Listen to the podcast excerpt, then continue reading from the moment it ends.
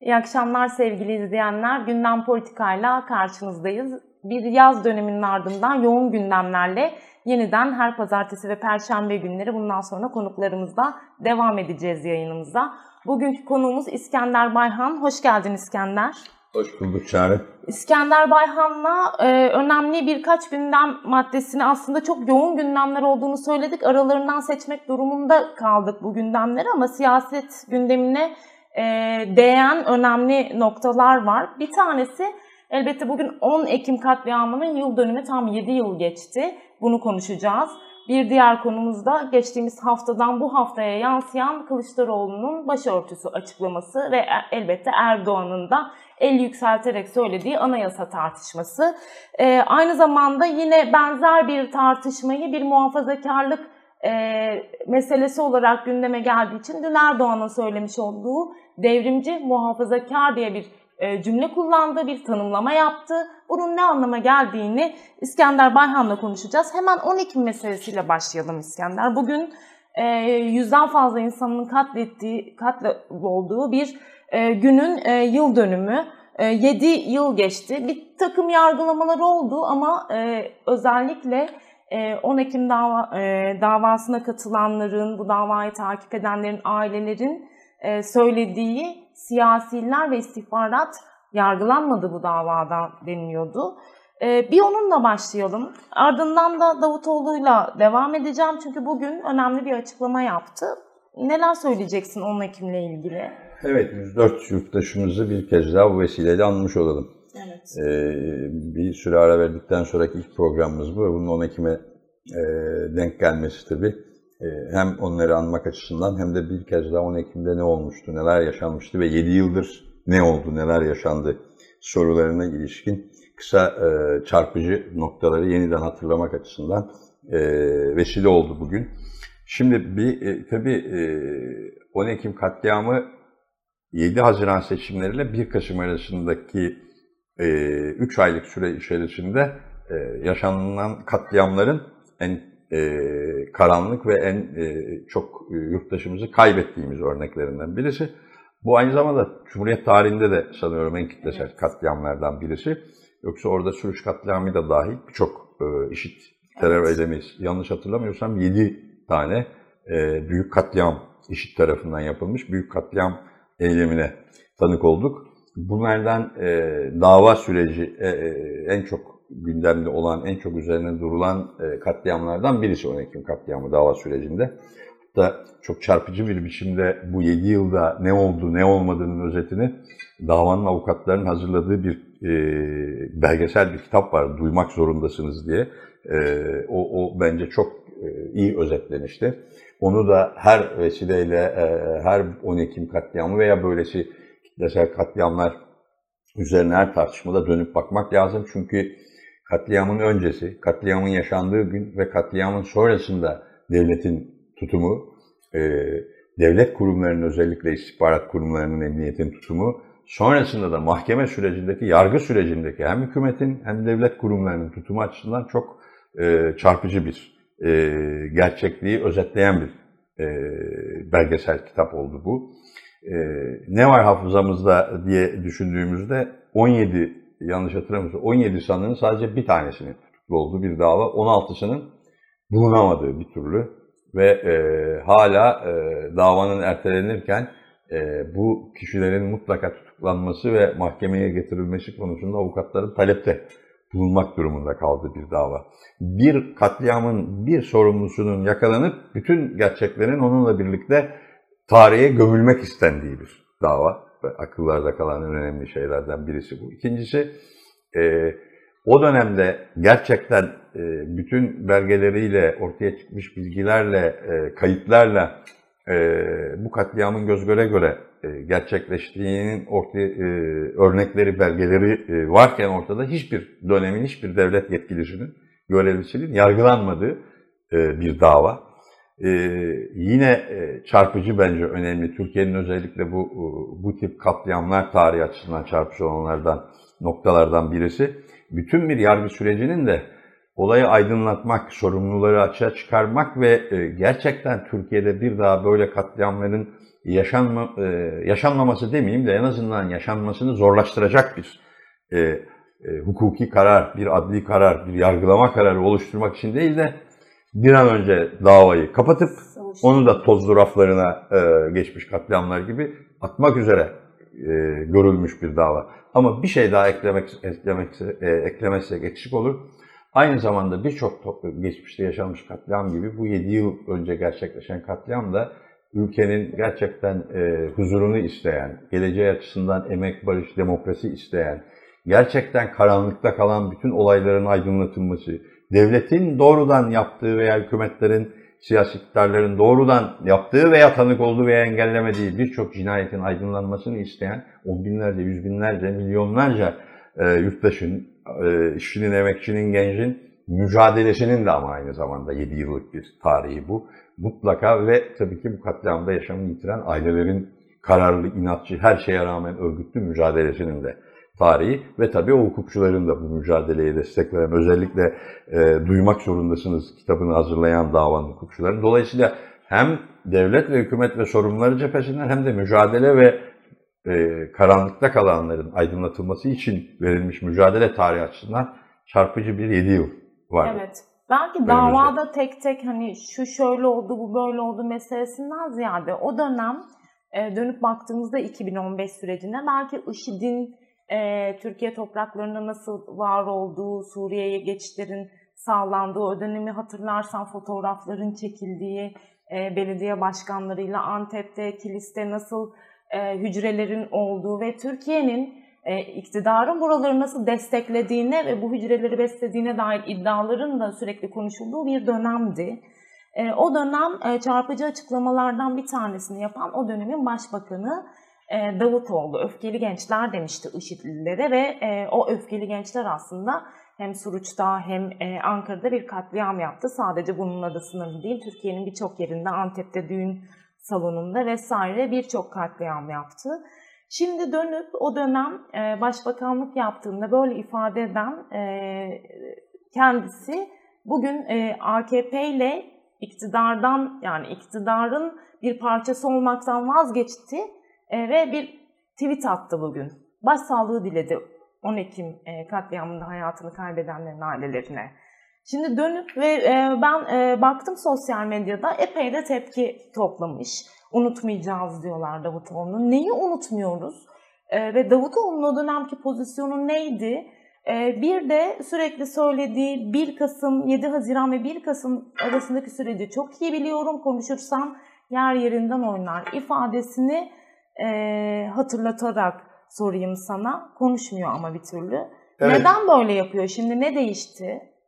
Şimdi aslında Davutoğlu'nun bu açıklaması e, özüründen önce ya da başsağlığı dileğinden önce özür de demeyelim, demeyelim çünkü ortada bir özür yok demedi ama zaten. baş, evet demedi evet, ama başsağlığı mesajının öncesinde de e, sadece e, bu o dönem yaşananlar açısından e, hafızamızı tazelesek 3-4 tane cümlesi çok tarihi cümleydi siyaset tarihine geçenlerden birisi. Bizi oylarımız artıyor, bizim oylarımız artıyor Değil cümlesi. mi? 10 Ekim katliamının Tabii. ardından bize yaradı demişti. İkincisi demokrasi konusunda nasıl bir dünya görüşü olduğunu, Davutoğlu'nun nasıl bir demokrasi anlayışı olduğunu ifade eden çok çarpıcı sözlerinden birisiydi. Canlı bombalar patlatmadan, eylem haline geçmeden onlara müdahale edemiyoruz demokrasinin gereği olarak diye. Bize demokratik e, koşullar bize buna müsaade etmiyor açıklamasıydı. Bu da çok çarpıcıydı. Yani Davutoğlu'nun demokrasi anlayışı açısından nasıl bir dünya görüşüne sahip olduğunu göstermesi açısından. Üçüncüsü de yine bence e, öfkeli gençlerin yanı sıra e, o dönem e, kendi başbakanlığı açısından e, bu sürece dair olup biten yaşanan e, tartışmalara, e, meselelere dair İŞİD konusundaki o dönemki tutumlu, tutumuydu. E, çünkü Davutoğlu o zaman da İŞİD'i e, bir e, işte, e, bu katliamları yapan bir cani cinayet işleyen bir örgüt olmaktan daha çok Orta Doğu'nun gerçekliğinin ürünü olan bir örgüt olarak ifade etmeyi tercih etmişti. Şimdi bütün bunlardan sonra bugünkü peki mesaj ne? Başsağlığı mesajı ne? E, diye düşünürsek bana bu e, Süleyman Demirel'in Türkiye'de siyaset tarihine geçmiş hatta belki siyaset bilimi derslerinde de okutulacak kadar Burjuva siyasetin karakterini dışa vuran bir sözünü aklıma getiriyor. Dün dündür, bugün bugündür meselesi. Yani demek ki diyoruz, e, bir kez daha görmüş oluyoruz bunu. Başbakan olunca yani iktidarda olunca böyle oluyor. Burjuva siyaset böyle konuşuluyor. Muhalefette olunca da böyle konuşuluyor. Yani iktidarda olunca e, bütün bunları aklamak siyaset oluyor. E, bütün bu meseleleri kendi politik çıkarları ve siyasi hegemonyası için malzeme yapmak politika oluyor. Muhalefette olunca da bunları e, kınamak, mesaj yayınlamak, işte e, bunları kötü hatıralar olarak ifade etmek politika oluyor. Ama bütün bu 7 yıl boyunca bütün avukatlar, hukukçuları, aileleri, o katliamda yaşamını yitiren aileleri, e, kişilerin, yurttaşların yakınları, aileleri hep Davutoğlu'na gel e, mahkemede gerçekleri evet. anlat çağrısı Çünkü yapmalarına rağmen. Çünkü çok karanlık bir 3 ay yaşandı. Evet. 1 Kasım 7 Ve Haziran orada da arasında. gene bence Burjuva siyasetin dün dündür, bugün bugündür ki o veciz ifadesi olan e, karakterini görüyoruz. E, onu da yine siyasette bir koz olarak yani bugün e, karşı karşıya geldiği Belki ya da ayrıldığı iktidarla sopa gösterdiği evet, gibi. onunla Evet. iktidar mücadelesinin bir malzemesi olarak kullanmak oluyor. Yani bunların hiçbirisini de halkın çıkarları, halkın ihtiyaçları, gerçekten bu memleketin işçilerinin, emekçilerinin, e, yurttaşlarının geleceği, özgürlüğü, onların hakları, her şeyden de öte e, bir karanlık e, bir dönemin birinci derecede sorumlusu ve tanığı olan birisinin onu aydınlatmak üzere bir tek adım atmayıp ama her şeyi gene kendisinin iktidarı, kendisinin e, siyasi iktidar mücadelesinin parçası olarak kullanmasının bence güzel bir örneğini sergiledi bu konuda Davutoğlu diye düşünüyorum. Evet. Ee, belki herhalde eğer bir gerçek anlamıyla bir başsağlığı ya da bir yüzleşme gerçekleştirecekse belki o süreci anlatmakla başlayabilir. Ee, böyle bir şey diyelim biz de. Şimdi geçen haftanın gündemiydi başörtüsü tartışması ve bu haftaya da yansıdı. Siyasetin en önemli gündemlerinden bir tanesi oldu. Hemen ardından Erdoğan'ın anayasa yapalım o zaman beraber çıkışı geldi. Kılıçdaroğlu bir bakarız dedi vesaire. Ee, Türkiye başörtüsü hamlelerini le mi seçimlere gidiyor? E, ve bu ne kazandırır? Gidişatı ne kadar etkiler sence?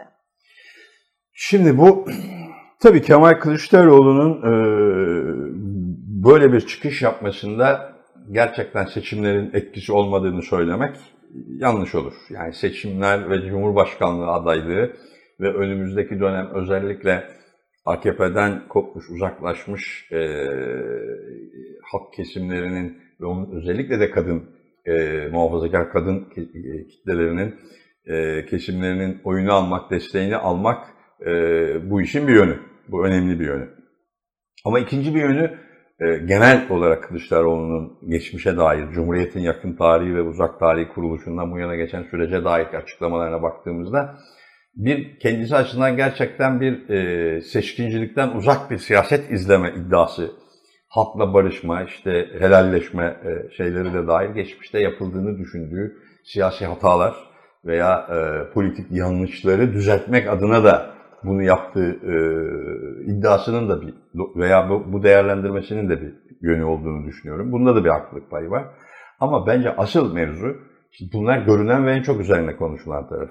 Ya da işte e, bu Erdoğan'a buradan gol atmaya çalıştı ama gol mü yedi diye e, Erdoğan'a pas mı attı, Erdoğan orta yaptı vuralım açıklamasıyla birlikte. Ama asıl bence çarpıcı yönü Türkiye e, maalesef e, bugün Burjuva muhalefet CHP'nin de öncülük ettiği Millet İttifakı da dahil sistemin restorasyonu konusunda iddialı olduğunu söyleyen bir politik ittifak ve onun öncüsü durumundaki bir parti ki Türkiye'nin işte e, en köklü partisi diye de e, sık sık e, vurgu yapılan bir partinin bugünkü genel başkanı ve lideri olarak memleketin en ciddi meselelerinin çözümü açısından aslında ne kadar yüzeysel ve e, samimi olunduğunda bile bütünüyle gerçekten bir e, halktan yana bir çözüm arandığında bile ne kadar biçimsel kalındığına dair bence çarpıcı bir nokta oldu.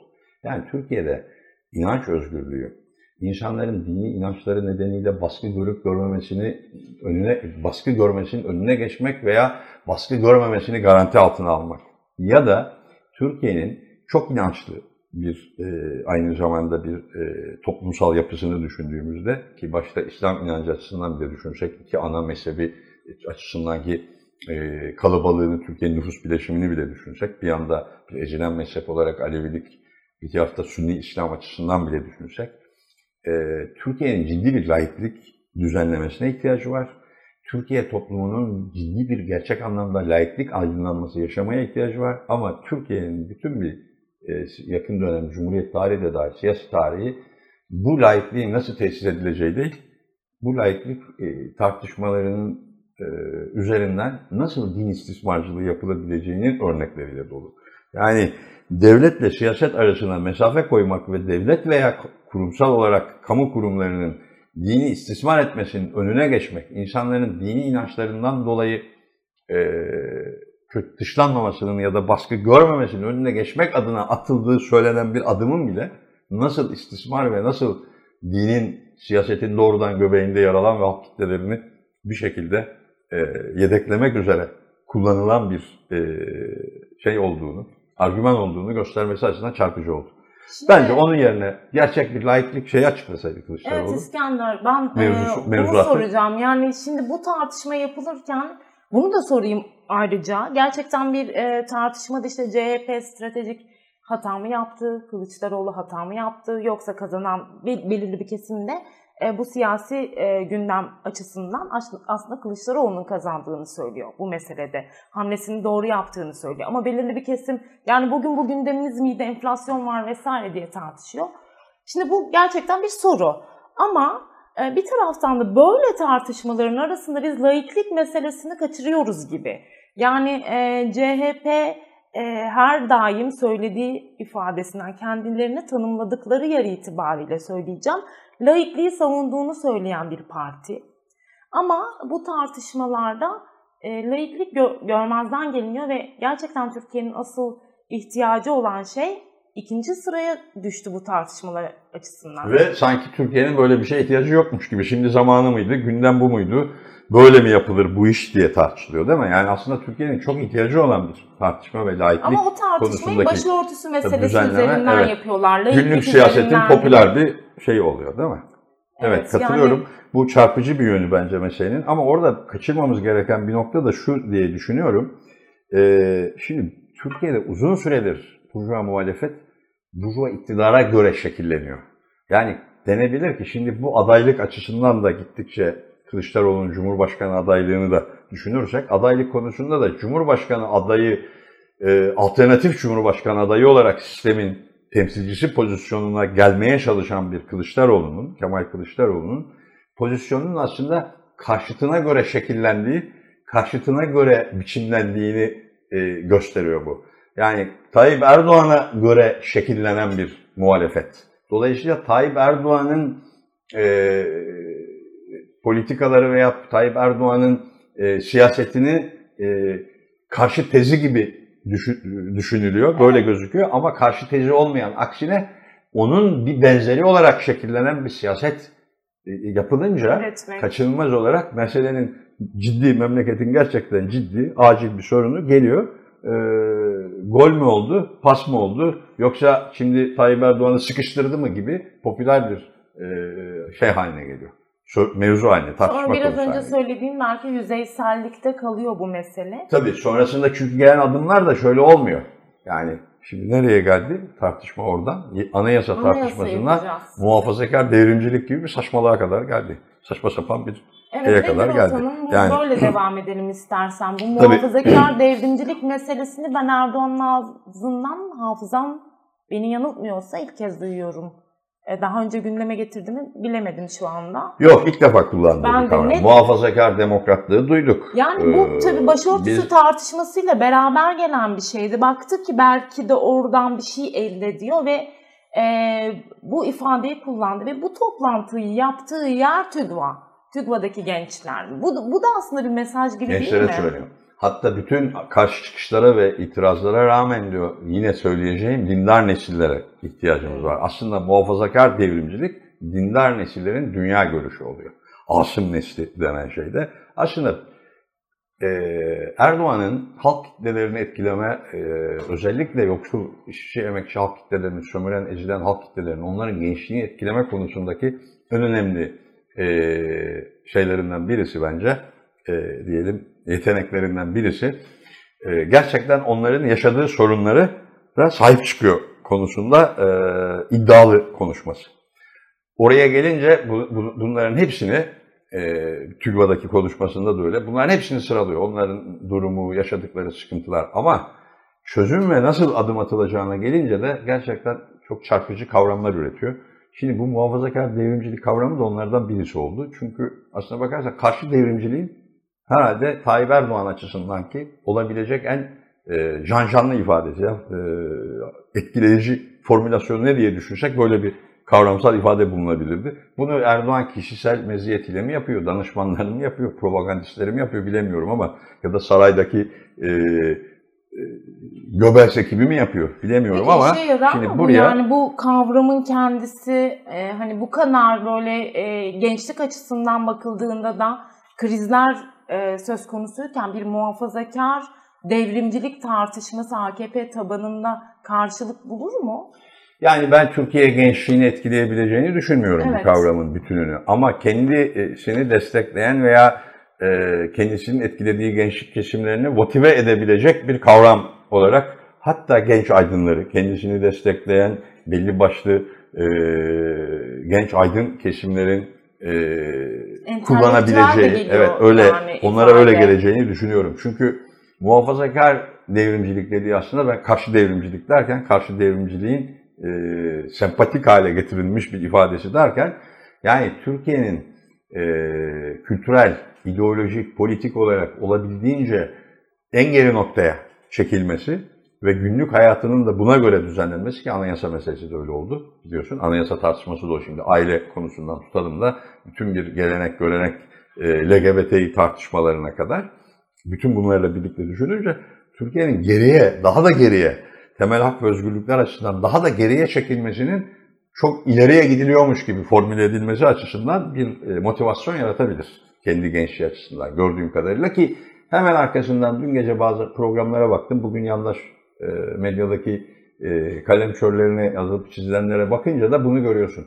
TÜGVA'da bu açıdan çarpıcı bir yer. Yani dindar nesiller, kindar nesiller gibi kavramlaştırmalar herhalde çok şey olmadı.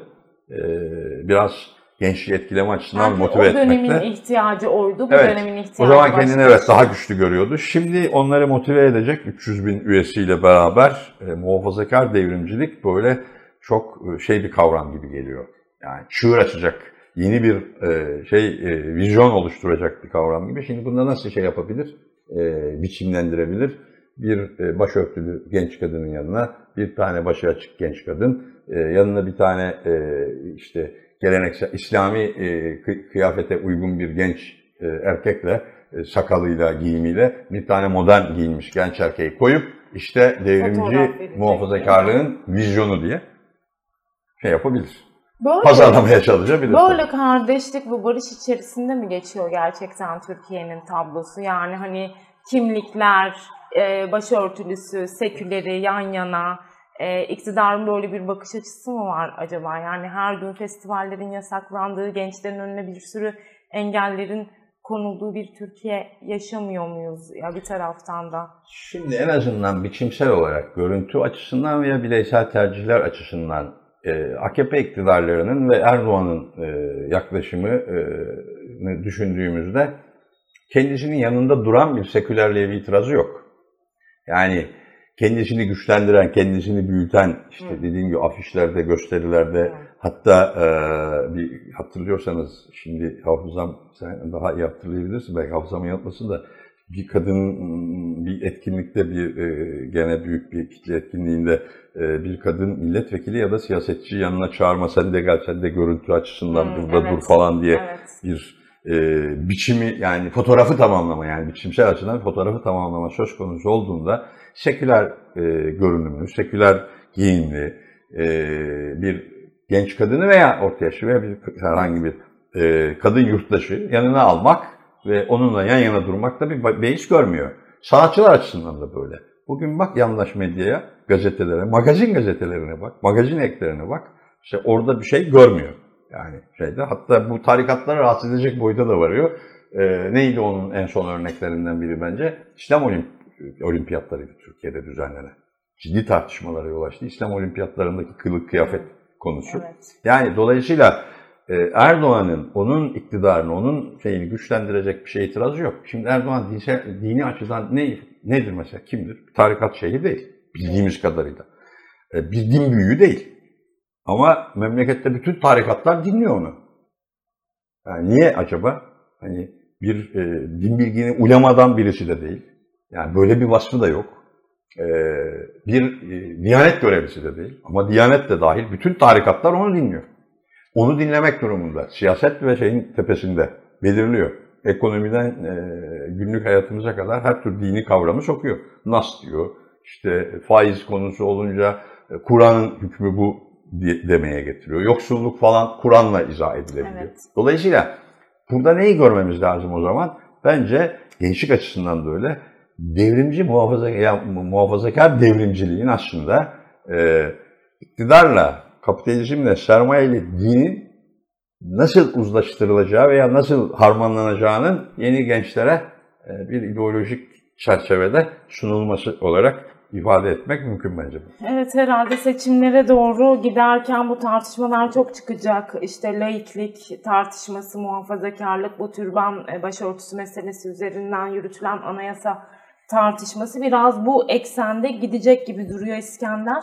Yayınımıza katıldığın için teşekkür ediyorum ben. Ee, sevgili izleyenler, e, İskender Bayhan'la 10 Ekim'den e, başörtüsü tartışmasına kadar geniş bir yelpaze çizmeye çalıştık. Ee, bizden bugünlük bu kadar. Perşembe günü Erde Tütmez sizinle birlikte olacak konuklarıyla. Hoşçakalın.